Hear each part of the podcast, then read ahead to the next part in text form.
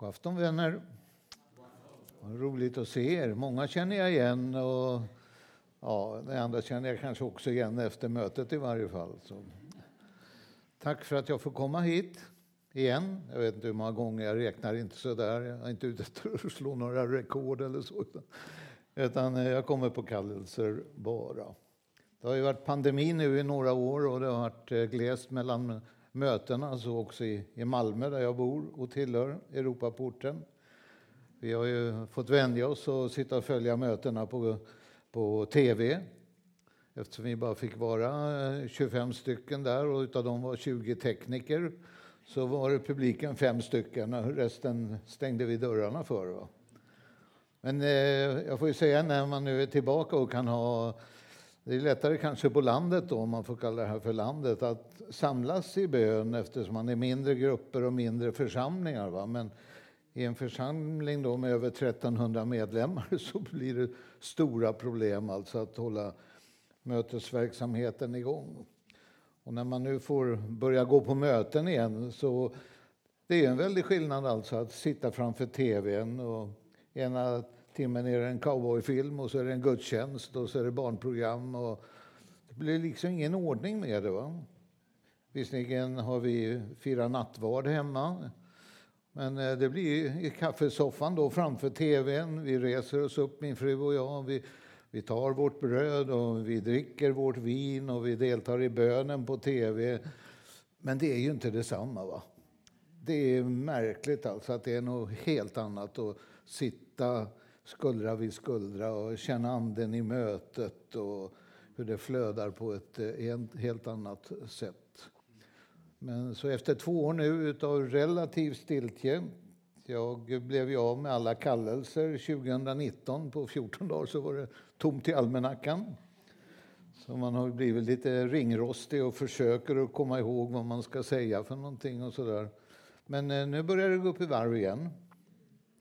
Och eh, jag kan glädja er med att vi håller nu Värnamokonferensen igen efter två års uppehåll.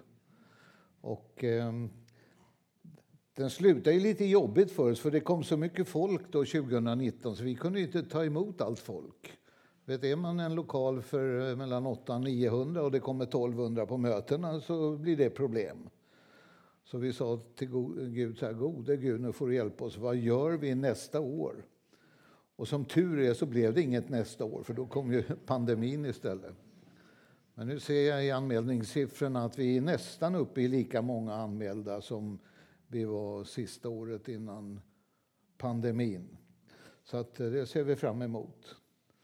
Det kommer ju flera kända talare. KG Larsson kommer, där kommer professor Gerdmar, där kommer Per-Arne eh, Imsen, där kommer Gordon Tobiasen från Norge.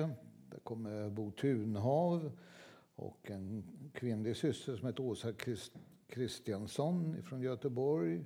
Och eh, Magnus Jonegård, Carlos Villablanca.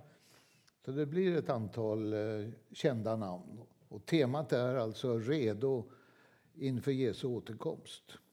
Alla talar i det ämnet. Jag ser nu hur deras olika rubriker och teman för ämnena, hur de kommer in, hur man verkligen belyser det här ifrån, eh, från eh, olika håll. Själv kommer jag att eh, tala över ämnet Redo för mötet i skyn. Och så är det ett streck och så står det Vi anar Messias fotsteg. Och det som gav mig det temat det var en ortodox jude de ortodoxa vet ni, är ju väldigt insatta i, i Guds ordet och sådär. Och eh, han sa vid ett tillfälle jag anar Messias fotsteg. Och säger han, nu ska jag gå hem och så ska jag ta fram min finaste shabbatkostym och göra den ren och fin, redo för att gå ut och möta Messias. Och det är någonting som, som vi borde tänka på. Att vi låg i den strömningen, liksom, redo. Nu vill jag ta på mig det finaste jag har och vara redo för att möta honom. Det finaste jag tänker på rättfärdighetens vita klädnad och så vidare. Att vi, att vi lever i den där kärleksrelationen, för det är det det är. Det är en kärleksrelation. Paulus säger Galaterbrevet, nej det, ja, det spelar ingen roll. Eh, han säger att jag har trolovat er med Kristus. Och trolovningen, vet ni, om vi tänker på Josef och Maria, så var ju det någonting som inte gick att bryta. Det var ju, förlovning kunde man bryta kanske, men en trolovning var ju nästintill omöjlig att, eh, att eh, bryta. Man kunde gå till rabbinen då Säg att det är så allvarligt så här, vi kommer aldrig att passa ihop eller det går inte och det är allt. Och så kunde man då säga då kunde rabbinen kanske godkänna att man bröt trolovningen. Det är därför som eh, det sägs om Josef, då, Marias eller Jesu styvfar, om Josef att han beslöt att i hemlighet skilja sig ifrån Maria. Och då säger ju ängeln till honom om Maria, din hustru. Men det var hon inte. Va? Men hon var trolovad med honom. Och till eh, Maria säger ängeln, se på Josef då, din man. Men det var han inte. Men han var trolovad med henne. Så att just nu, du som tror på Herren Jesus Kristus och som har blivit frälst av nåd. Du ska vara väldigt noga med alltså att leva i den här kärleksrelationen. Och du ska vara medveten om, precis som Paulus säger, jag har trolovat er med Kristus. Och i den så att säga, relationen ska vi leva. Och då får den gamle ortodoxe judens ord vara att jag anar Messias fotsteg. Och därför så vill jag gå hem och ta fram min finaste shabbatkostym och gå ut och göra mig redo för att möta honom. Och det är viktigt i, i den här tiden. Jag tänkte idag inte göra något djupare bibelstudium. Det, eh, utan ikväll var det med. Jag tänkte bara rapportera vad som händer nere i Israel och vad som är viktigt att eh, eh hålla ögonen på. Därför att vi vet ju inte dagen när han kommer. Eh, spekulera inte det. Går du in på Google och tittar på Jesu återkomst så hittar du ju hundratusentals förutsägelser om vilket datum han ska komma. Och allihopa är fel. Och eh, de man eventuellt har tittat på in i framtiden, de är automatiskt fel eftersom det är bara pappa där uppe som vet dagen. Jesus säger det själv, det är bara min far i himlen som vet när det ska... Så det behöver vi inte lägga tid på. Va? Men vad som är viktigt liksom, det är det profetiska ordet, alla de pusselbitarna som Bibeln ger då, eh, inför Jesu återkomst. Och syftet med dem är ju att hjälpa oss att vara på alerten. Jag menar, gick det inga, låg det inte, kom det inga pusselbitar på plats, ja, då kunde han ju komma när som helst. Men ju fler av de här pusselbitarna som faller på plats så vet vi att dagen närmar sig och då vill, försöker åtminstone jag att leva i den förvissningen om att vara redo. På kvällen kan du säga, kommer du i natt Jesus så glöm inte mig. Och på morgonen kan du säga, kommer du nu idag istället Jesus, glöm inte mig. Så att vi har den där direkta, ständiga dialogen med Herren inför hans kommande. Och det som förvånar mig, jag brukar ta det som ett exempel ibland, det är att, att vi i många församlingar vi, vi talar så lite om det här. Och, eh, så det är väl en, eh, en bristsjukdom som eh, vi i den kristna världen har. Jag har en, en bibel hemma som heter The Second Coming Bible. Jag brukar hänvisa till den ibland. The Second Coming Bible, det är en amerikansk utgåva. Och I den bibeln har man plockat ut alla bibelställen som handlar om Jesu återkomst och profetierna runt det, men speciellt Jesu andra tillkommelse, eller Jesu återkomst. Och som jämförelse då brukar jag nämna, ska vi tala om, om dopet så hittar vi ett eh, ett eh, 20-tal bibelställen som vi kan eh, använda oss av. Ska jag tala om nattvarden så hittar jag en 6-7 bibelställen ungefär för att belysa, och de är viktiga. Jesu återkomst, om jag utgår ifrån den, The Second Coming Bible, va, så har den 565 bibelställen. Som är det är det näst största ämnet i Bibeln efter försoningen. Och jag kan inte fatta liksom att man inte talar om det. Eller alldeles för lite. Men det är ju målet, det är därför vi har möte här ikväll. Va? Det är för att uppmuntra varandra att komma vidare i tron och syskongemenskapen. Och vi har söndagsskolor och ungdomsgrupper och vi har allt möjligt. Va? Och det är etappmål fram till den dagen när vi står öga mot öga med, med honom själv. Så ur den synvinkeln så är profetorden alltså viktiga att eh, hjälpa oss att vara i den här levande tron. Och, det ger ju också en inspiration för oss. Vet, I varje fall var det så, nu är det ju över 60 år sedan jag gifte mig till exempel. Jag gifte mig på 50-talet.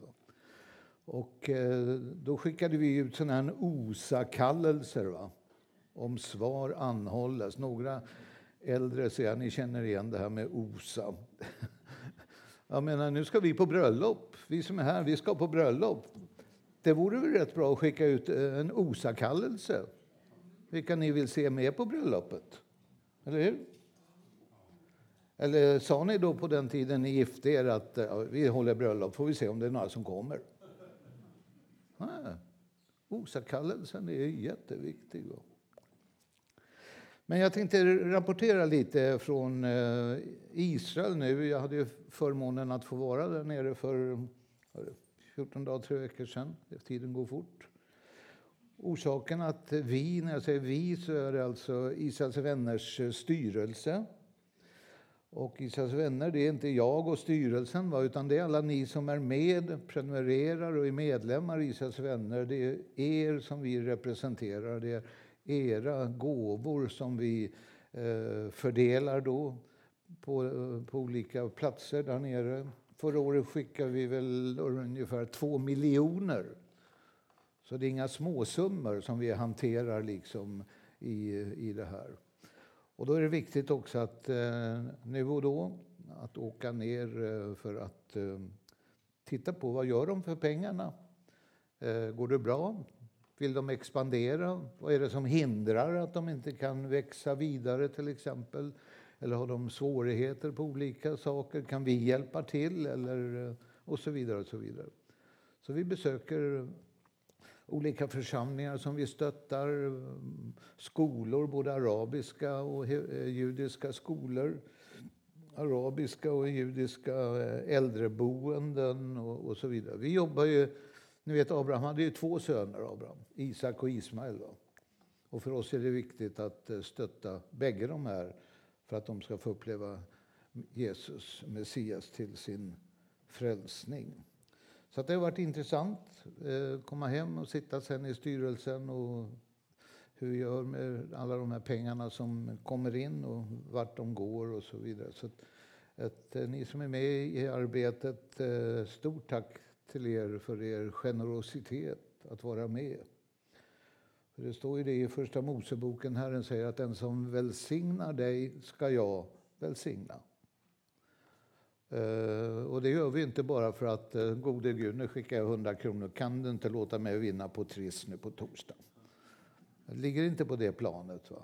Utan Herren välsignar på ett, uh, ett, ett underbart sätt. Jag ska kunna ge så många exempel på så att när man reser runt så man får höra hur, hur Herren eh, liksom leder.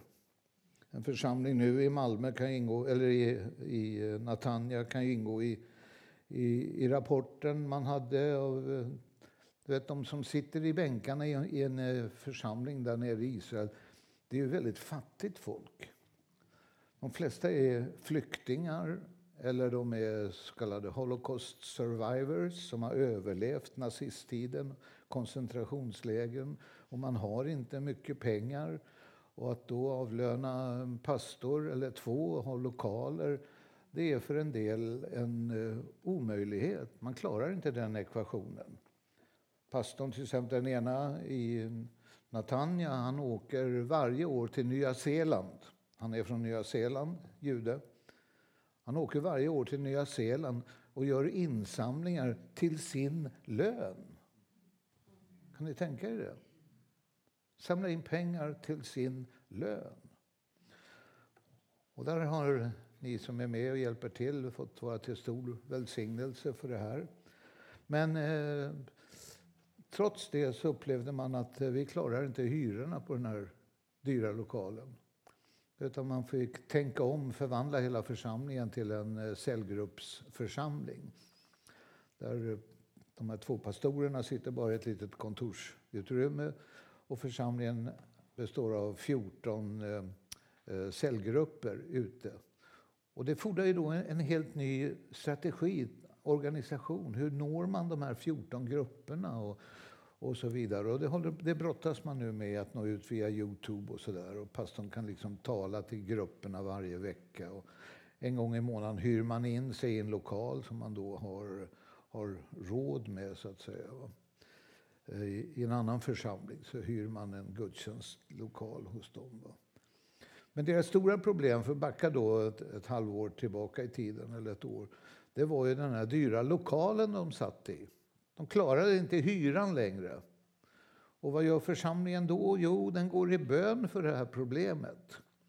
Vad gör vi? Var finns pengarna? Hur blir vi av med lokalerna? För de hade ju ett långt kontrakt. Och då ser man hur Gud griper in och så fantastiskt. Va? När de går där i sin... Eh, ja, du mer har ju varit i Beit Asaf eh, många gånger. Va? När de går där i, i lokalerna så, så knackar det på dörren och så kommer en, en eller två personer och knackar på och så säger han så här eh, att eh, vi har hört att er lokal kanske blir ledig. Wow, första delen av ett bönesvar. För det var ju det de hade bett om, befria oss från lokalen. Och därmed skulle man bli befriad från hyresskulden, men den skulle ju fortfarande löpa så länge kontraktet levde. Va? Och de sa jo, vi tänker det. Och så ställde de en motfråga. När behöver ni lokalen? sa man då. Imorgon, svarade de. Så i stort sett från dag till dag va, så svarade Gud på bön och de blev lösta ifrån det här dyra kontraktet och kunde alltså Eh, peka ut en, ny färdriktning för församlingen, hur man nu ska leda den, den vidare. Så det är ju så i vardagen som Gud eh, eh, griper in.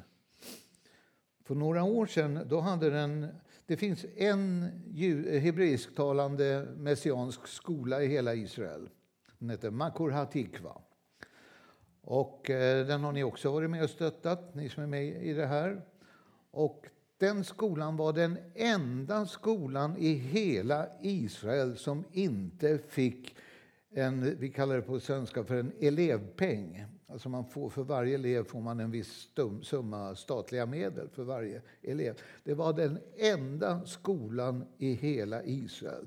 Däremot gayskolor och muslimska skolor och vanliga judiska skolor och vad det nu var för andra typer av skolor alla de fick bidrag, men inte den enda messianska skolan.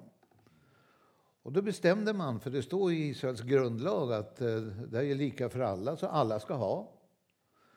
Och eh, då bestämde man sig för alltså att eh, gå till domstol och ta strid för det här.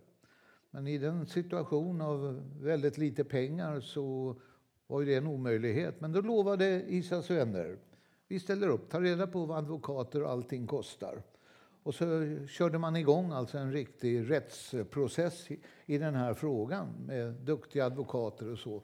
Och tanken var ju att liksom tvinga staten att betala ut det som en skola har rätt att få. Och jag kommer inte ihåg nu, men det rörde sig om mycket pengar som Israels vänner eh, fornerade ner till dem. Va? Och de vann processen. Kan ni tänka er? De vann alltså processen mot, om det nu var staten eller skolstyrelsen eller vad det var för någonting. Så vann de. Och idag får de alltså medel som alla andra skolor. Va? Nu har vi en liknande process eh, igång nere i Ashdod. Ashdod är ju den närmaste staden till Gazaremsan där nere vid, vid eh, Medelhavet. Där har församlingen Beit Hallel Pastorn heter Israel Porstar. Eh, han var från början eh, gatuevangelist i Tel Aviv och har byggt upp en eh, fantastisk församlingsverksamhet som i sin tur har grundat sex nya messianska församlingar ut över landet. Den messianska rörelsen växer snabbt nere i Israel. De hade en lokal, men den var ju för liten. Och så visade det sig att ehm, en lokal vägg i vägg, faktiskt, det är bara 10 meter emellan, skulle passa perfekt för dem och man ordnade fram medel och eh, kunde köpa den lokalen. Problemet vet ni, i Israel där kan man inte lägga lo lokalen eller kyrksalen liksom där den är mest lämplig, säger vi, i centrum, där det är nära för folk eller så. Varför kan man inte det? Jo, därför att på shabbaten tar de ortodoxa judarna sig dit för att störa gudstjänsterna. Och en ortodox jude han får bara gå tusen steg på en shabbat. Och det betyder att eh, de kan inte gå dit ut om man lägger den i utkanten, vilket man då gör. Eh, därför att där kan de inte gå. Och eftersom det är shabbat får de inte köra bil. Och på det viset så får församlingen alltså vara i fred kan vi säga och fira det här. Men eh, nere i Harstad, där hade man alltså den här, både den gamla och den nya lokalen precis nere i, i närheten av centrum. Och det gjorde att varje gudstjänst så fylldes, ni kan tänka er alla parkeringarna här och hela gräsmattan och alltihopa här, fylldes av hundratals ortodoxa judar som blockerade ingången till, till eh, kyrkan. Så det var inte en enda människa som kunde komma in på mötena.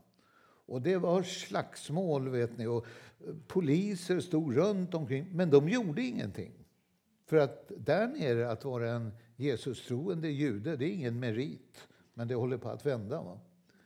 Men i det fallet så var det ingen merit, så att eh, de grep inte in. Och Eh, Eh, när myndigheterna fick reda på att man hade nu en ny lokal, mycket bättre, vägg i vägg, stor, som man redan hade köpt, så förbjöd myndigheterna församlingen att börja mötesverksamhet i den nya tjusiga lokalen. Väldigt fin lokal. Den har man istället idag fyllt alltså lika högt som det här, hela det här rummet med kartonger från golv till tak och delar ut till ukrainska flyktingar. Kläder och mat och husförråd och allt vad det är som de behöver, det delar man ut i, ifrån den församlingen. Så att, eh, då gjorde man likadant där. Man anställde advokater och så gick man till domstol.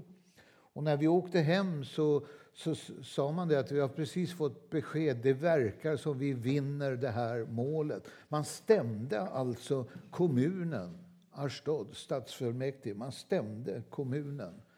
Och det sista vi hörde det var att man eh, sa att det verkar som vi vinner den här striden.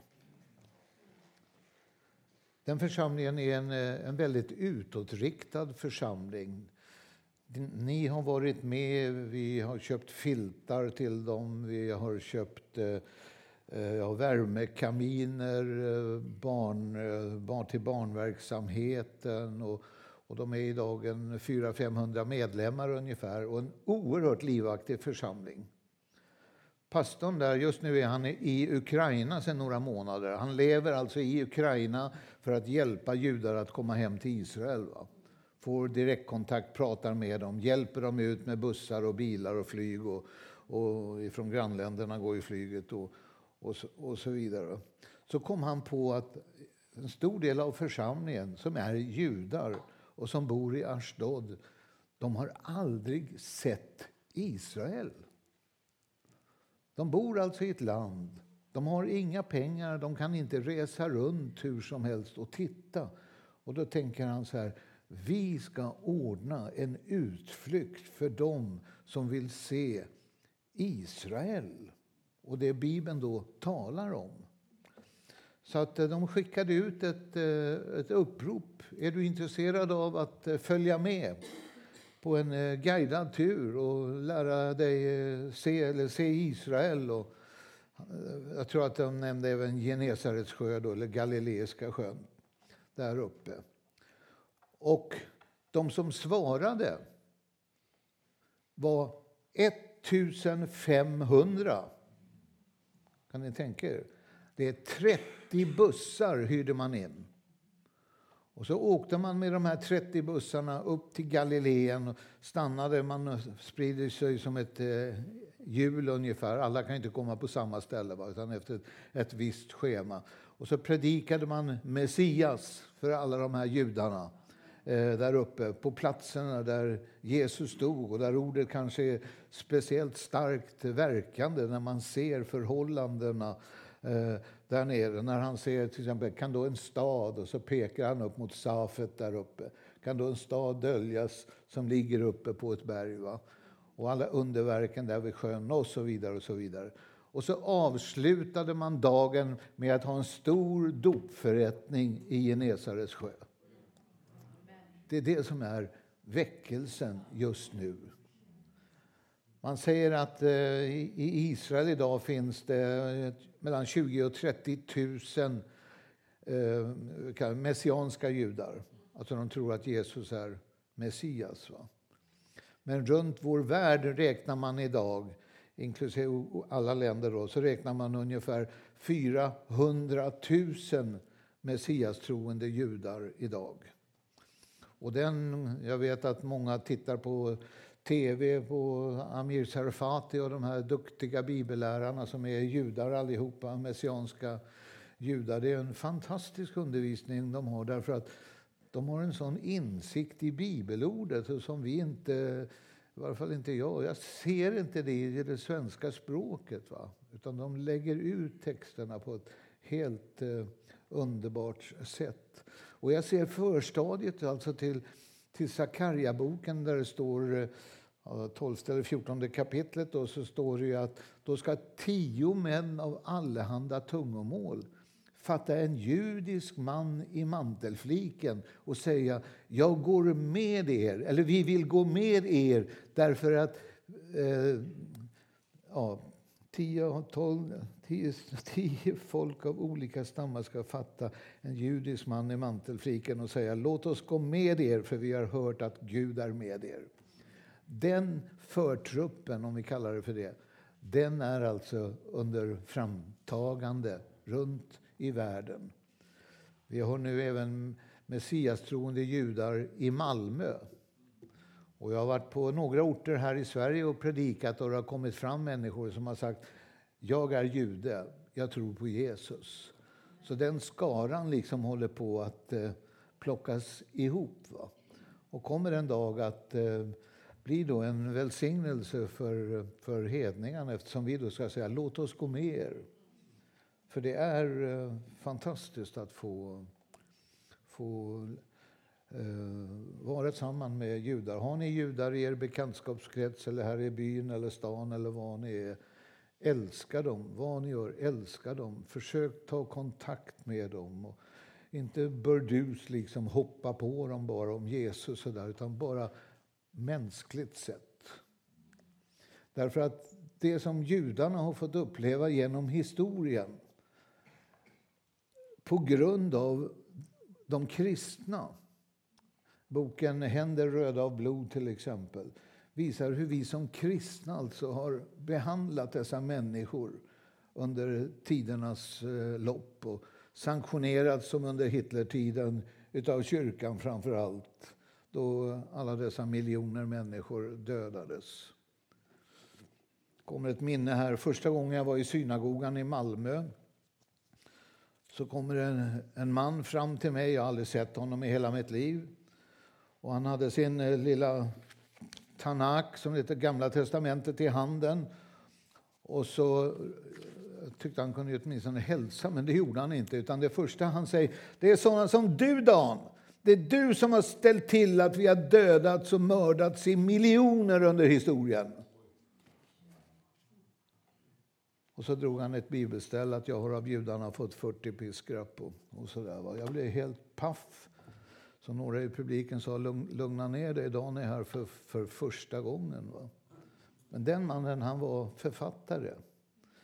Han var en Holocaust survivor. Och eh, när det var dags för honom och hans manuskript så ringde han till mig och frågade kan jag få komma hem till dig? Och så får du hjälpa mig att finslipa manuskriptet. Så där satt han som då, då hade hatat mig. Han satt nu i soffan för att eh, samtala om det här. Några siffror från Ukraina, vänner. För att vi ska veta vilken eh, dignitet det är. Alltså för det första så är han eh, eh, juden, presidenten eller vad han är, ministern, premiärminister eller vad han kallas. Han är ju jude idag. Det är en jude som leder eh, det här stora landet. I Ukraina fanns det innan krigsutbrottet mellan 200 och 250 000 judar. Så det är en stor, det är en kvarts miljon judar i det här landet. Och så börjar då kriget och vi vet ju bibelställen att Herren ska sända jägare och fiskare för att hämta dem hem till, till landet. Va? Och jag kan ju tänka mig att den här Putin till exempel, han är ingen fiskare precis, utan han är en jägare alltså som, som jagar iväg dem från, från sitt land där de ändå hade haft det bra. De hade ju en bra, fin standard. Många av de här är nu på väg till Israel. När jag var nere nu för 14 dagar sedan, tre veckor sedan, då hade över 20 000 av dem redan landat i Israel. Och det här ställer ju då med detsamma krav på de messianska församlingarna, för det är där de flesta tas om hand. Eh, bland annat i eh, Beit Hallel då, i Ashdod. Va? Det är där de kommer för att få hjälp, söker kontakter. Och de, vi var ju på en sån gudstjänst där man då delade ut eh, saker till dem. Det skedde väldigt välorganiserat. Man, man kommer in och så står det ett bord innanför dörren och så får de tala om vad de heter. Och så får de välja på jag tror det var fem olika saker de behövde. Det ena var eh, specerier, det andra kunde vara kläder, ett var husgeråd, något var, något var leksaker och så var det något mer. Och så sa de ja, men vi behöver det och det. Då. Och då fick de liksom en lapp, en färgad lapp som då gällde till ett visst område inne i församlingen där de grejerna stod. Va? Och en del fick ju stora lådor. Jag tänkte, vilka lådor de får. Men det berodde på att där låg kastruller och sån här eh, duschlag som man, som man uh, duschar sallad i. Va? Silat, såna grejer. Alltså de har ingenting. Ingenting. Och sen blir det då eh, allmänt kaos då när alla sen så småningom ska gå fram. Man, jag förstod att de sa ifrån talarstolen att det här var sponsorer från Sverige. Men det var ju ni det. Va? Det är ni som har sponsrat. Eh, och hjälpt till med det här. Så de fick sina olika saker där. Många av dem är redan på väg. Det här pappret är ett par veckor gammalt. Då stod det, står det 15 000 har redan kommit. När jag var nere så var det över 20 000 som har kommit. Och på andra sidan Ukrainas gräns, alltså i Moldavien och vad de nu heter, eh, Polen och så vidare, där finns idag mer än 5 000 sängplatser som alltså Israel har ombesörjt i grannländerna bara för att bara de kommer över gränsen med sin... Ni har ju sett dem på tv när de går med sina dragväskor. Va? det är allt vad de äger. De äger inget mera. Inte ens passen har de. De kommer inte vidare en gång för de kan inte legitimera sig. Bara vad sånt kostar och som vi betalar för att de ska få igenom passhandlingar och biljetter och så vidare. och Så vidare. Så där finns eh, 5 000 sängplatser. Eh, men då är det så att de här, utav de här 5 000 är det många som inte vill resa ner till Israel. Varför det? Därför att maken och sönerna är kvar och strider i Ukraina. Och de kan inte tänka sig alltså att frun och de små barnen ska lämna pappa och bröderna då kvar i Ukraina. Utan de dröjer in i det sista för att vara där om det blir fred så de kan gå tillbaka över gränsen igen. Samtidigt med det här så börjar judarna nu i grannländerna, både i Ryssland och Belarus, så har 5 000 judar lämnat de länderna samtidigt med det här som sker i, i, eh, i eh, Ukraina. Och utav dem, förut, det är de 5 000 som Israel har kontroll över, där man är med och hjälper dem att komma. Va? Men eh, jag har en, någonstans i papperna här en aktuell siffra, hur många tusen det är som vid sidan om själva tar sig ner till Israel. Så det är en, en väldig alltså, flyktingström av judar ner till, eh, till eh, Israel från Ukraina just nu. 5 000, ja. Drygt 16 000 personer i Ryssland har påbörjat processen om att åka till Israel. De andra har redan liksom, de klarat sig själva. Men 16 000 har påbörjat processen att ta sig ner till eh, eh Israel. 10 000 har påbörjat processen i Ukraina. Men kvar är alla dessa andra. då. Så det sker en väldig, kan vi säga, det sker en, en eh, omförflyttning idag. Och det beror ju på att Herren alltså, han säger där att jag ska inte låta en enda av dem bli kvar där ute. Det är Guds löfte till folket. Jag ska inte låta en enda av dem bli kvar där ute. Alla ska hem.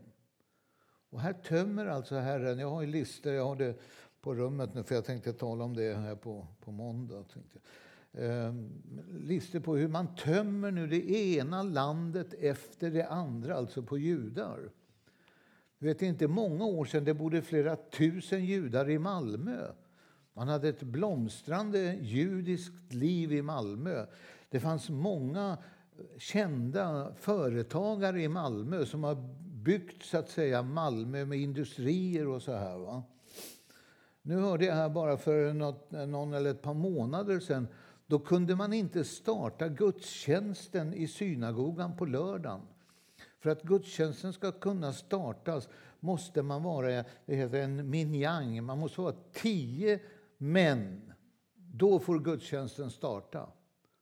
Och man var inte tio män. Ifrån denna stora judiska koloni i Malmö så eh, har det sjunkit ner på det viset.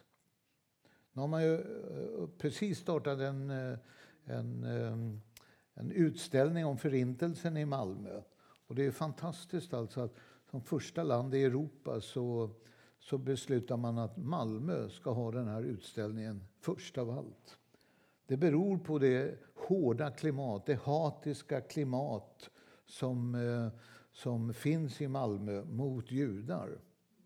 Jag har ju varit med i Malmö och gått genom stan i de här tågen med judar. Vi kallar det för kippavandringar. Man går alltså med en kippa på huvudet så här. Och vi har varit hundratals som har gått då genom stan bara för att visa vår solidaritet med Israel. Va?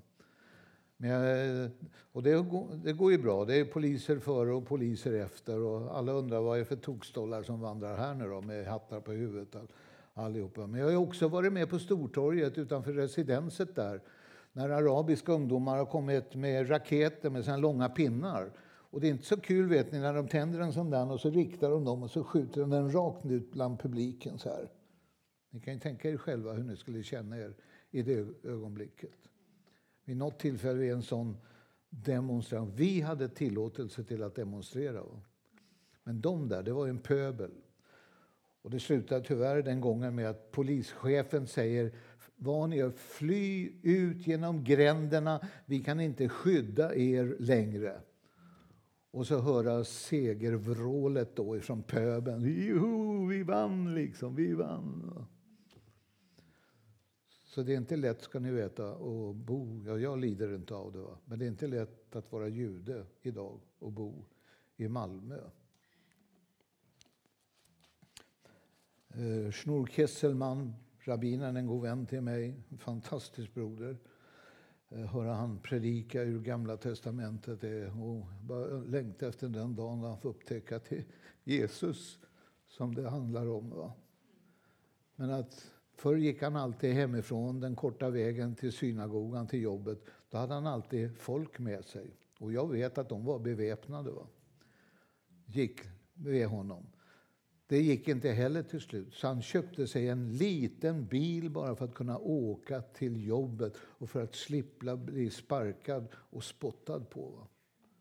Så är eh, klimatet i Malmö, tyvärr.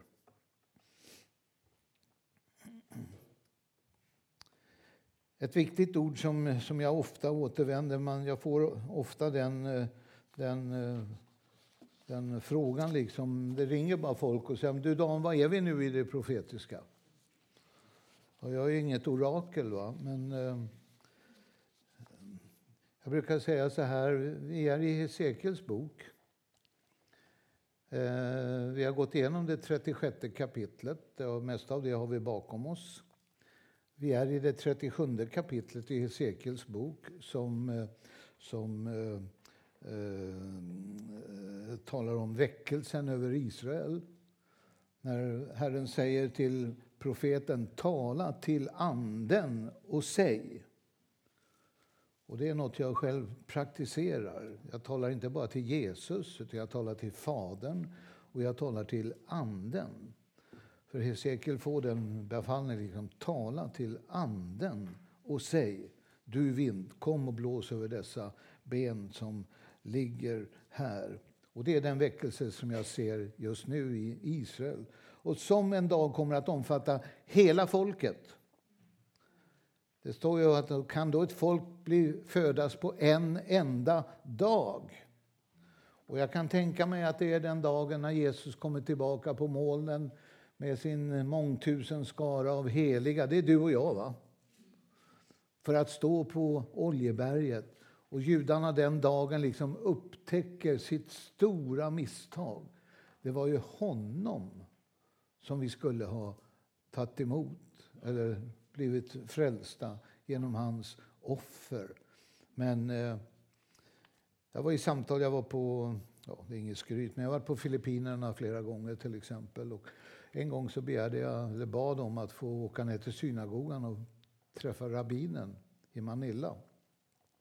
Och det tog inte många minuter förrän vi pratade om Messias, Messias kommande. Och han förstod att jag var kristen och min syn på Jesus. Och så sa han så här, du Dan, sa han, eh, när han, när han då, vem det nu är, kommer, som jag då menar är Jesus, va?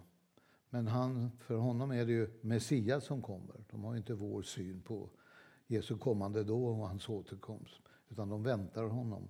Så sa han så här, den dagen när jag möter honom så ska jag ställa en fråga. Har du varit här förut? Ja. Och det avgjorde ju då om det var Jesus, så att säga. Men jag upplever att vi är i ingången nu till det 38 och 39 kapitlet. Så jag tänkte peka lite på några, några saker i de kapitlerna. 38 och 39 kapitlet i Hesekiels bok det handlar om krig. Och varför, varför jag säger det här nu, det är lite av en, en uppmaning till dig. Därför att de här kapitlen som vi generellt läser om som krigskapitel, det står länder som är uppräknade. Jag behöver inte dra dem, men ni, ni kan dem. Tarsis och, och Togarma och persier och etiopier och gomer och vad de nu heter allihopa där. Va? Alla de länderna, det vet vi vilka det är. Och det är idag eh, muslimska länder. Alltså vi talar om Nordafrika och Levanten, va? eller Mellanöstern där. Alla de länderna som står omtalade är muslimska länder. Eh, de sträcker sig upp till Kaukasus. Kaukasus heter Gog Shasim på deras grundspråk och det betyder Gogs fäste. Så att eh, alla de länderna söder om där kan vi säga, de, de ingår i det här eh, konglomeratet utav, utav länder. Och i det här två kapitlen då, som är krigskapitel så talar Gud om en världsväckelse. Och I all ödmjukhet så kan jag säga att under de 60 år jag håller på och läst eh, de profetiska tankarna här så har jag aldrig sett någon som har skrivit om det här. Utan de här två kapitlen handlar bara om krig. Och, och det gör de. Men i de här kapitlen så står det fem gånger att det ska bli en väckelse över hela världen. Och nu ska jag läsa de här fem ställena, därför att det är, det är viktigt att du kan de här. Va? Därför att den världsvida väckelsen, den kommer att nå folk i husen här på andra sidan gatan. De kommer att se det på tv vad som händer. Allt det som står här, det är precis som vi ser Ukraina varenda dag på, på tv. Va? Så kommer de att sitta och se på tv varenda kväll. Och så kommer de att undra, hur allsin dag är det möjligt? Hur kan det här lilla landet Israel vinna? Ja, nu är det inte Israel, det är Gud som vinner kriget åt Israel. Och så säger de så här, vem ska vi fråga? Och så tänker jag, ja men du Karlsson där i grannkåken, va? de går i kyrkan ibland, de kanske vet. Och så kommer de och knackar på din dörr. Och så frågar de, du det här som händer nere i Israel, står det någonting om det i Bibeln? Och det vore ju ynkedom då om du inte visste vad det handlar om. När människor knackar på din dörr och ber om vägledning för att bli frälst. Det första stället som jag läser här, det är det 38 kapitlet och eh, slutet på den 16 versen. Jag ska då låta dig komma över mitt land för att folken, lugna oss, ska lära känna mig när jag inför deras ögon bevisar mig helig på dig, du Gog. Folken ska alltså fatta vad är det som händer och så behöver de svar på frågan. Och Det svaret står här på fem olika ställen. Och det är då jag säger Ja, det vore ju skräp alltså om du inte kunde svara när dina grannar kommer och ber om hjälp att få komma in på trons väg. Nästa ställe det står kapitel 38 och den 23 versen. Så ska jag bevisa mig stor och helig och göra mig känd inför många folks ögon och de ska förstå att jag är Herren. De kommer att fatta det här ute. Va? Att det är Gud, det är Jesus som är Herren och det är han som strider för Israel. Det är en världsväckelse som är nära. Och när jag säger nära så kan det vara så att Ukraina-kriget nu mynnar ut i det kommande Gogkriget. Eh, jag kan tänka mig, alltså, om jag hårdrar vissa bibelverser, att det kanske är något eller några år emellan de här Ukraina-kriget och Gogkriget. Men vi är så nära just nu. Det tredje stället är kapitel 39 och slutet av den sjunde versen. Och folken ska förstå att jag är Herren, helig i Israel. 39 kapitlet, den 23 versen. Jag börjar i den 22. Därför att det som sker där nere i det här kriget, det är nog så fantastiskt. Va? Så hela Israel alltså bara baxnar. Och bara, Gud är med oss, liksom. Han är med. Och då står det i 22 versen. Och Israels barn ska erfara att jag, Herren, är deras Gud från den dagen och i all framtid. Från den dagen. Det finns spekulationer, rabbinerna har spekulationer om vilket dag, vilken dag det är. För Det står i Hagai nämligen. Men jag ska inte förvirra tankarna.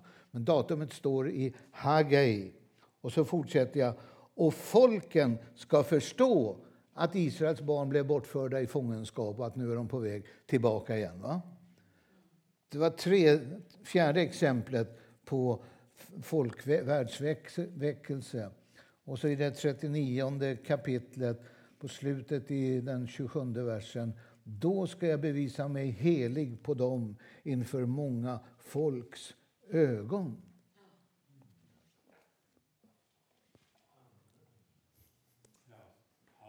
Landade det? Förstår ni då hur nära vi är? En världsväckelse. Och det går inte då att sitta hemma liksom, eller i kyrkan och, och, när det här händer varenda kväll som det gör med Ukraina nu på tv. Det går inte att sitta och säga hoppsan. När folk ropar efter att bli frälsta. Va? Utan vi ska förbereda oss för den här väckelseperioden som är på gång där nere. Det går inte då, precis som det finns ett uttryck i, i hebreiskan som heter erev rav. I Gamla testamentet känner vi det i judarnas uttåg som den främmande hopen.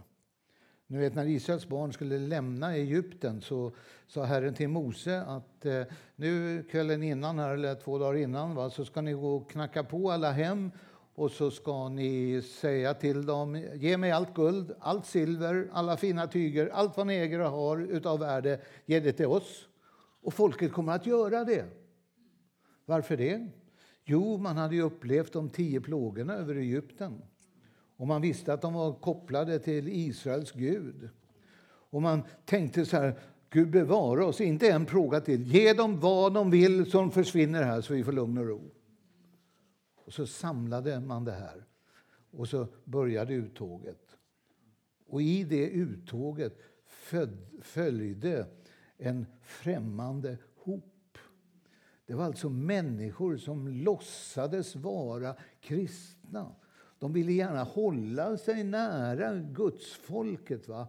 Men de var inte riktigt med, så vi går sist får vi se, iakttar. Eh, jag vill gärna veta vad gör de med allt mitt guld och gummans guld liksom, och, och silvret och hennes fina sidenkläder. Vad gör de med, med allt det här? Va? Och den främmande hopen som gick längst bak i tåget, den blev ett elände för Israels barn. Det var de som knotade över grytorna som man fick, maten man fick. Och ni minns väl gurkorna i Egypten och allt det här. Tänk vad bra vi hade det. Och så går vi här nu och sparkar i sanden bara. Va? Du får inte vara de som går längst bak i ledet. Du behövs på murarna. Ställ mig i gapet på murarna. Jag satt häromkvällen och upptäckte ett ord i hebreiskan som heter gavdar. Och jag ska tala om det i Rättvik på onsdag. Tror jag. Gavdar. I den svenska bibeln står det att man bygger en mur av hus, man beskyddar landet. Va? Men gavdar betyder egentligen det är en ström av ord för att beskydda landet. Det är en förbönshandling. Och vi som knappt orkar gå på bönemöte. Va? I Malmö kanske vi är 20 stycken. Muslimerna där ute på Gärdet, de är 3 000. Det är skillnad på bönemöten. Va? En ström av ord som beskyddade landet. Den här eh, hopen sen, den blev ju en, en elände liksom för det judiska folket under deras eh, vandring på väg till löfteslandet.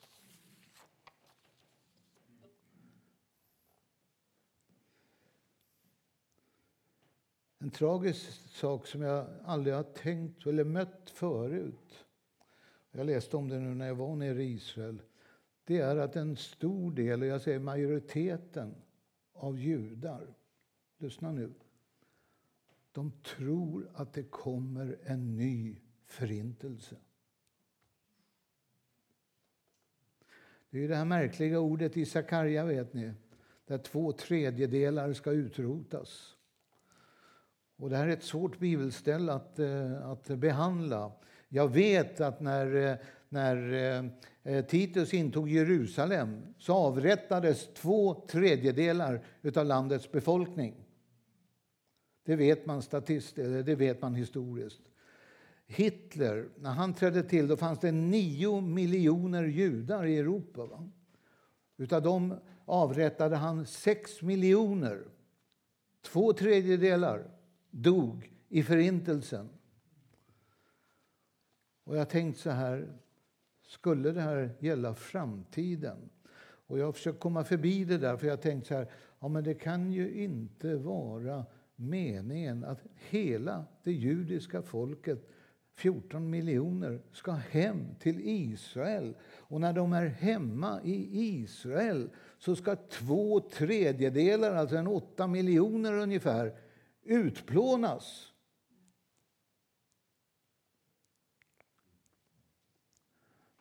Men jag vet inte. Det står så. Och därför var det ju chockerande när jag läser nu att en stor del, majoriteten av judar idag i Israel tror att det kommer en ny förintelse då två tredjedelar förgås. Hur det blir, jag vet inte vänner. Men ni förstår hur viktigt kärleken är till det här folket. Att, eh, att ge dem eh, hjälp på olika sätt att eh, komma igenom den här tiden som ligger framför dem. Från den dagen som jag läste. Det finns alltså ett datum i framtiden då hela världshistorien, höll på att säga, eller Guds profetiska historia växlar om in i ett nytt skeende. Och då ska de se upp till honom som de har stungit, som man har förnekat, inte velat eh, se. Man skyller på att det är en som heter Ben Josef, och, eller så heter han Ben David. Och, och så väntar man på dem. Men det handlar ju om han som är Messias, Jeshua Hamashiach. Jesus Messias. Och där kan vi bara vara med vänner, se till att evangeliet får flöda in här. Vi kan inte själva som hedningar så att säga gå på gatorna där nere och evangelisera, det får man inte. Eh, man beskylls då för att köpa själar. Va? Vi ger dem pengar till mat och vi är förnödenheter och allt. Så vi köper själar. Va? Utan vad Israels vänner har gjort under alla dessa år, det är hundra år, vi firar hundra år nästa år. Va? Eh, vad vi har gjort under alla dessa år är att stötta församlingarna i Israel så att de har medel att arbeta med hela tiden. Obegränsat med tryckning av traktater. En av dem som vi stödjer är tryckeriet i Talpiot till exempel. Det är messiastroende judar. De har ett tryckeri där man hela dagen trycker ja, allt möjligt, reklam och allt vad det är. Va? Och när klockan är fem då så kan man säga så byter de kostym och så tar man fram tryckplåtarna och sen kör man maskinerna med evangelisk litteratur, biblar på hebreiska och, och, och, på ryska, traktater. Och jag har varit i det lagret, det är högre än det här taket, sådana högstapellager där Billy Graham och alla de kända förkunnarna, deras litteratur finns där. Och alla församlingar i Israel kan komma dit och gratis plocka så mycket de vill. Och så fyller de sina bilar och så åker de hem till församlingarna och så delar de ut eh, eh, evangelium här. Va? Jag känner han Eli, han är, jag är från tryckeribranschen. Så Eli och jag vi pratar ju samma språk så att säga när vi pratar teknik och så här. Va? Och se det här som de gör. Va? Att jobba på kvällarna gratis, använda maskinerna gratis. Det enda de behöver hjälp till det är papper. För papper är väldigt dyrt. Va? Och så kan de trycka och så kommer församlingar och bara hämtar gratis vad de än, vad de än vill för någonting, till exempel. Den boken som ligger där nere som heter eh, Vad händer i Mellanöstern? Vi kallar den för Kaktusboken. Den fick eh, Israel Porstar Erstod nys om att den fanns. Och sa han den skulle ju finnas på ryska. Men de har inga pengar.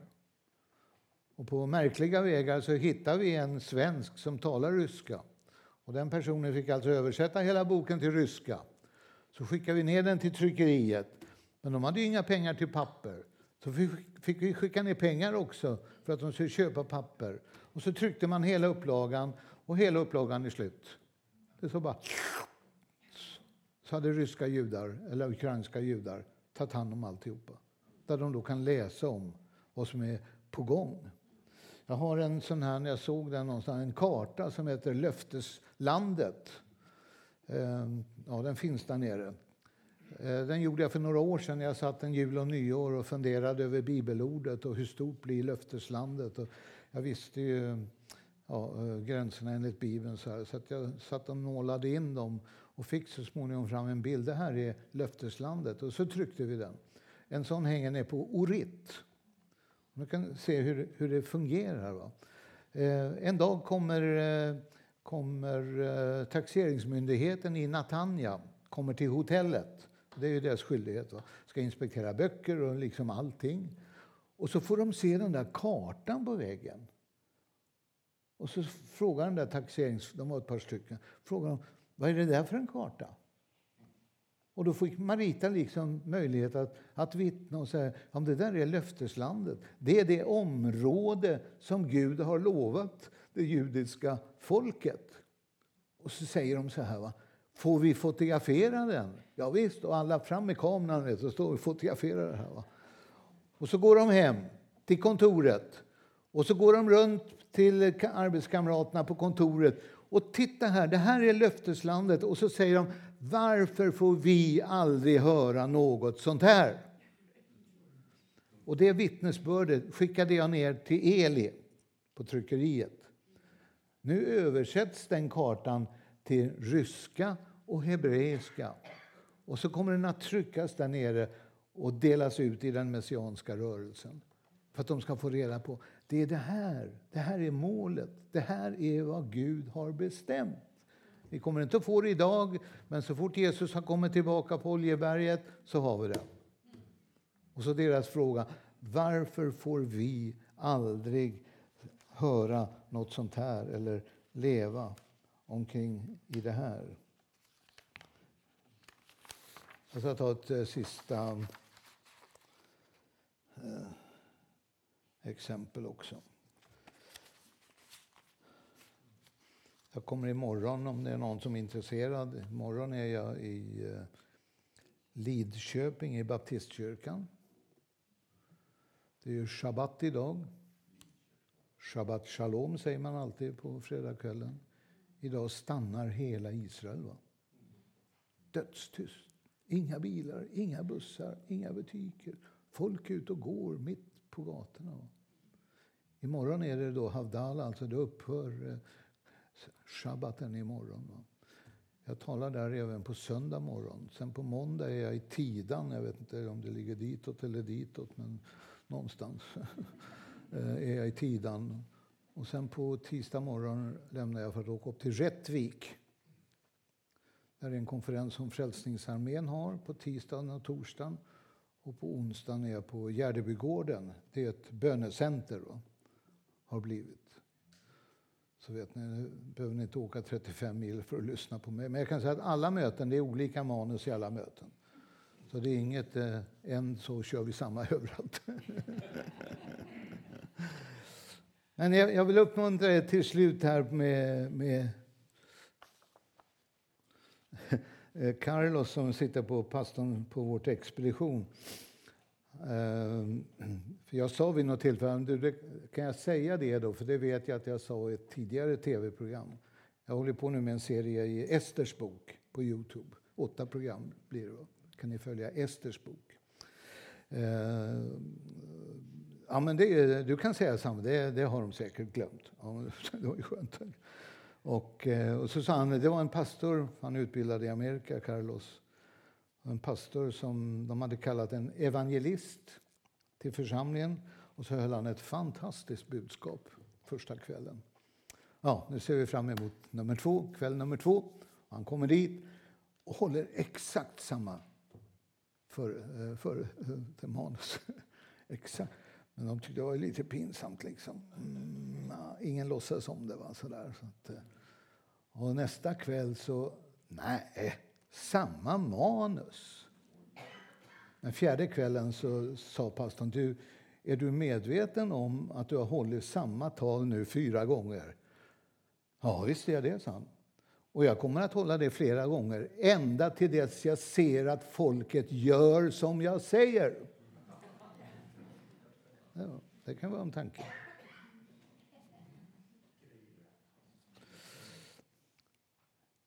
Ett avslutning här då. Jesaja 54. Fem första verserna.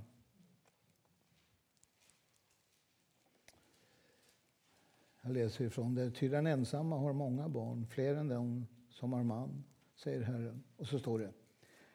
Utvidga platsen för din boning. Spänn ut tältdukarna som du bor in under och spar inte. Förläng dina tältlinor och gör dina tältpluggar starka. Det är alltså uppmaningen till oss i den tid vi lever i. Jag kommer ihåg på när jag var en, ja vi var faktiskt gifta på 50-talet. Eh, det var, var, inte så rikt. Husbilar hade ingen hört talas om och de här stora hustälten visste man inte vad det var. Utan jag och min fru vi hade ett eh, topptält. En sån indian eh, med en pinne i mitten bara. Och eh, ingen botten. Så att eh, förutom min fru och jag i tältet så var det ju myror och tvestjärtar. Jag vet inte allt vad vi hade. Hela tältet var fullt eh, utav såna där eh, ohyra.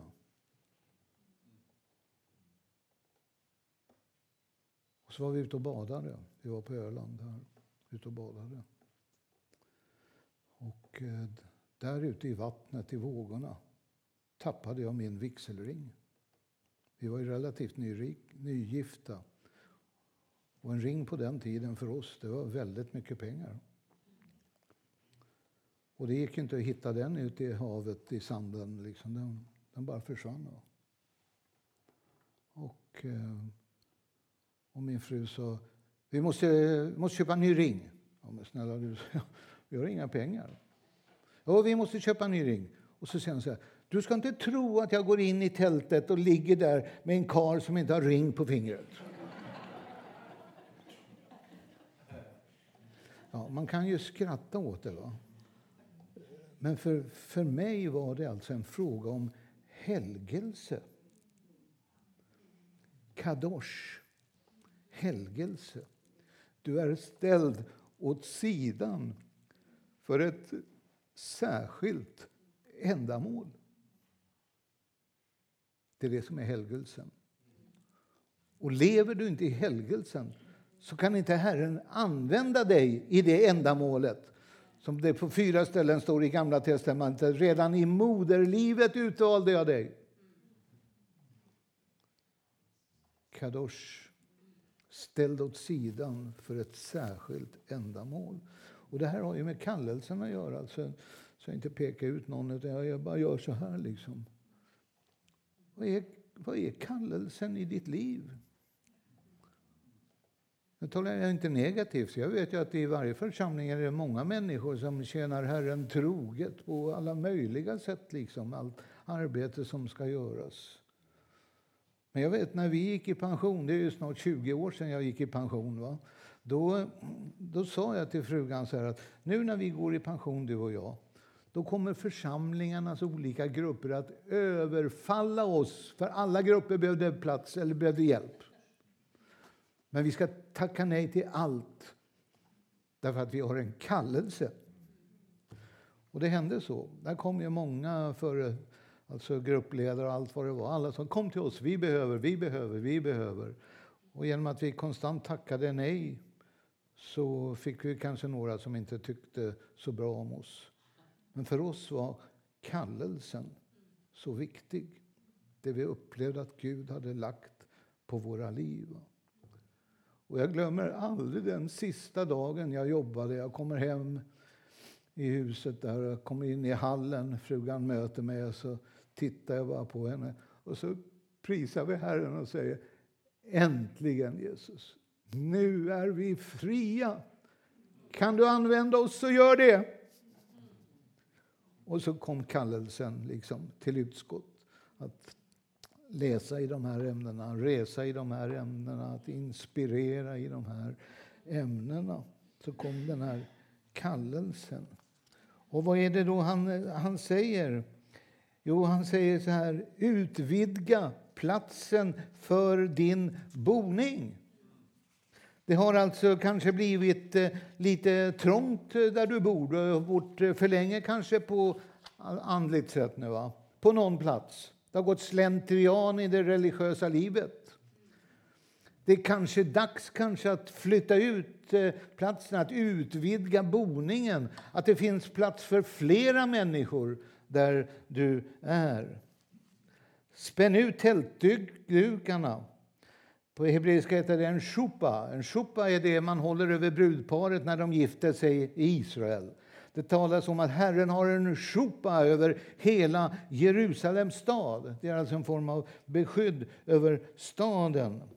Erbjud dem skydd, naturligtvis i Jesu namn, under den här shupan. Förläng dina tältlinor. Tältlinorna var slaka. Har du bott för länge på din plats så behöver platsen renoveras. Det blir alltså lätt slentrian. Och jag är inget undantag. Jag har själv liksom drabbats av det här. Allting går sin gilla gång. Va? Och jag vet, eh, under pandemin så läste jag någon artikel i om det var Dagen eller Världen idag, då stod det någon hade sagt jag hoppas att vi snart är tillbaks i det normala. Och det var en insändare som skrev jag hoppas vid Gud att det aldrig blir som det var förr när det var normalt. Utan att det är en möjlighet till nytänkande, se nytt på saker och ting. Va? I min arbetskarriär så jobbade jag mycket med IBM på tryckeriteknikens område. Vi hade superskickligt folk från Amerika som var över och jag skulle vara de som pytsade in svensk kunskap i deras datorer så att säga. Va? Och när jag kom upp och pratade efter den här killen då så jag ska upp på tredje våningen. Eh, ja, vem ska du möta? Han där och där. Ja, han sitter inte där längre. Nej, Nej han sitter på sjätte våningen nu. Jaha, då var det bara att åka dit upp och jag tänkte sådär, så jag hittade honom bra. Eh, och så gick det lite tid och så skulle jag upp till honom då på sjätte våningen. Ja, han sitter inte där längre, han, han sitter på fjärde våningen, på den sidan. Jaha. Så tänkte jag, det var väldigt vad du flyttar omkring, så det går ju knappt att hitta dig här i den här stora kontorsbyggnaden. Nej, vi har det som strategi, förstår du. Att vi byter arbetsplats inom huset. Därför att när man gör det så får man nya visioner inför framtiden. Man kan tänka på ett nytt sätt. Va? Har tältlinorna blivit för slaka så spänn ut dem igen. Med tanke på den där vigselringen som ni inte funderar på vad händer sen då. Ja, min fru som jag sa, hon... Eh, och jag, jag beundrar henne. Alltså. Jag kan säga hon läser Bibeln mer än vad jag gör. Hon är ingen dumskalle på bibelkunskap, ska ni veta. Nåväl, hon fick mig att åka in till någon stad på Öland, jag vet inte var det var, om det finns någon stad, men till någon by i alla fall. Och vi stod utanför juvelerarbutiken. Nej, det fanns ju inte en chans på en semester när vi precis hade lagt ner alla pengar vi hade på att ta oss till Öland med ett topptält. Gå och köpa en vigselring? Nej, aldrig i livet. Men du, där borta ligger en järnhandel där borta. Så vi gick bort till den här järnhandeln och där sålde de gardinuppsättningar. Och de här gardinuppsättningarna, vet ni, de, precis som de där, de, de hänger i metallringar. Va? Så vi stövlade in i den där järnaffären och frågade om de hade såna metallringar till gardiner. Ja, vilken storlek ska det vara? Ja, den ska vara ungefär så här stor. Och så hittade vi en som passade. Och nu var jag välkommen in i tältet igen. Den här ringen kan jag säga, det står att jag är gift med en kvinna som heter Ida Sofia Karlsson och hon är född 1890. Det är min mormor va? som jag fick, fick eh, ärva efter henne. Va? Alltså har, har linorna blivit för slaka, spänn ut dem. Tänk nytt. Jag tänker på Israel Porstar där, som frågar är det några som skulle vilja åka med på, på eh, en rundresa upp till Galileen. 1500 säger ja. Det är att tänka nytt, att spänna ut de här eh, tältlinorna. Och så slutar citatet med att säga spar inte. Och Det här tror jag är det svåraste för oss kristna vänner. Det verkar som att vi tror alltså att vi ska leva här för, över, eh, för alltid i Lugnås, i samma hus och samma bil och samma bankkonton och allt vad det är. Va? Glöm det!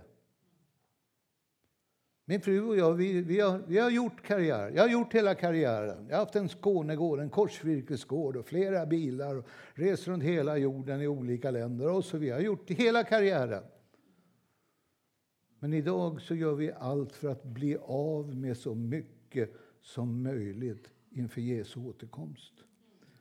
Jag får inte så mycket som ett hårstrå, jo det får jag kanske, men en glasögon eller min hörapparat. Jag får ingenting med mig. Och frågan kan ju lätt bli då, han gav mig resurserna. Han vet vad du och jag behöver för att vara med. Inte när vi bygger Guds rike, därför att det är han som bygger Guds rike. Men vi får vara med och hantlanga åt honom. Vi tror att det är vi som bygger Guds rike. Nej, nej. Det är Jesus som bygger sitt rike. Och för det ger han oss alla de resurser vi behöver. Och så hittar han en och annan människa som han kan lita på. Va? Som han ser, de ger det vidare till grannar och till vänner och bekanta i olika former, mission eller vad det nu är för någonting. Han kan lita på de människorna. Och då öser han på mera, mera, mera hela tiden. Va? Och så hittar han dem som, oh nej, jag måste tänka på ATP nu, hur ska det gå när jag blir pensionär? Vadå, du vet ju inte ens om du lever imorgon. Va? Hur ska jag klara framtiden? Och, oh, det här måste jag ha så jag kan lämna till mina barn. Vadå barn? De vill jag ha med mig när Jesus kommer. Det fordrar lite nytänkande. Va? Och det är inte så att du kommer att bli fattig på kuppen. Utan när Gud litar på dig så fortsätter han bara att ösa in medel därför att han vet den där människan kan jag lita på. Och Det är därför han säger så här, spar inte! Gud har gett oss alla resurser vi behöver när han bygger sitt rike. Spar inte på tiden. Spar inte på anlag. Spar inte på materiella tillgångar, andliga gåvor, drivkraftsgåvor, tjänstegåvor. Blomma ut i det här som han har valt dig till att göra redan ifrån moderlivet. Gör dina tältpluggar starka. Förankra dem i Guds ord så att ingen kan rycka upp. Det är så mycket liberal teologi idag så att man blir förfasad över vad som predikas på en del håll idag. Liberalteologi och katolsk teologi som tränger in i, i församlingar. Gör dina tältpluggar starka. Vi kommer alltså att behöva veta vad det är vi tror på för någonting. Ja, nu behöver man inte vara professor i teologi. Ja. Även eh, tant Emma tog till exempel med sin barnabön. Hon är lika frälst som du och jag. Va? Men ändå, vi måste veta vad det är vi tror på. Tältpluggarna får inte ligga lösa på marken. Förankra dem djupt. I den förra bibeln, då, 1917 bibel, talar vi om de fyra benen. En stol då med, med fyra, bön, eh, fyra ben. Va? De började på bön, och det var brödragemenskap, och det var brödsbrytelse och det var bibelstudierna. Det var det som höll den första kristna församlingen uppe. Va? Och tycker vi då att ja, men, eh, brödragemenskapen, jag har inte tid med det, då har stolen bara tre ben. Va? Och bibelstudierna, oh, det är så tråkigt ja, och det kommer så lite folk, så att, då har de bara två ben. Nattvarden, ja det blir om jag har tid någon gång och inte sysslar med något mycket viktigare då eh, var jag sticker huvudet i någonting någonstans. Va? Då, då. Plötsligt är det bara ett ben kvar. Då ska man vara akrobat för att hålla balansen i sitt andliga liv. Så de här fyra benen är så oerhört eh, riktig, viktiga. Det är ett utsträckande för att nå nya men också ett utvidgande för att rymma alla dessa nya. Så här kan vi utvidga vårt tältområde. Lite tips. Man kan prenumerera på Israels vän. Man kan ge bort prenumerationer på Israels vän. Vi har många i vårt land som vi har ett särskilt register som vi kallar för buntregister. Det är alltså medlemmar som har sagt att varje nummer som kommer så kan ni skicka fem ex till mig. Eller 10 ex, det är lite olika. Då har vi ett buntregister. Det är alltså evangelistsjälar ute i landet va, som vill ha extra tidningar. Vi vill starta fler studiegrupper. Vi har ju 30 grupper nu runt i landet på olika platser och de tenderar att växa. Nya människor som vill veta mera om det profetiska ordet. Bed mera. Ropa till Gud. Befall Anden. Då det Hesekiel fick i uppdrag. Du heligande, blås över dessa döda ben. Kanske man kan dra parallellen med Lugnåsa. Jag vet inte vad det är för folk som bor här. Blås över dessa döda ben. Och när jag då ser om folkväckelsen här i Hesekiel 38 och 39 Ibland får jag en känsla av liksom att folk tror inte på det här. Därför behöver det landa ner. Va? Och folken ska förstå. Säger någon. Ja, det tror inte jag. Nej, det tror inte jag. Då drar man Guds ord i smutsen, därför att då vet jag mycket mer än vad Gud vet. Va? Och så drar man ordet i smutsen. Eller jag tror inte på det och jag tror inte på det. Jag satt med en broder nere på Ritt här för 14 dagar sedan i trädgården. Och han frun sa ja, han har alltid frågor Dan sådär. Och han får aldrig svar på de frågorna. Och, eh, eh, och det gör att han kommer inte igenom liksom. Nähä. Vad har du för frågor då? Så började han. Ja, men du sa det satt vi och pratade om för ett år sedan när vi möttes. Satt vi här och pratade om det. Har du glömt allt det? Men vad är din nya fråga då? Ja, och då var det samma fråga. Var fick Karin sin hustru ifrån? Han sa, det här är rena lekstugan. Kan du inte ens det? Och så förklarar jag för honom allt det här. Och så sa jag, kommer du ihåg det här nu då? Så vi inte sitter om ett år igen och du ställer samma fråga. Och någon slags, eh, jag kan, jag kan mer än bibelordet. Va? Jag drar Guds ord i smutsen. Va? Ja, jag vet inte vad det här kallas, föredrag eller bibelstudium. Eller vad. Men det händer enormt mycket nu. Och jag vill verkligen uppmuntra er och uppmana er att följa skeendet nu ute i världen.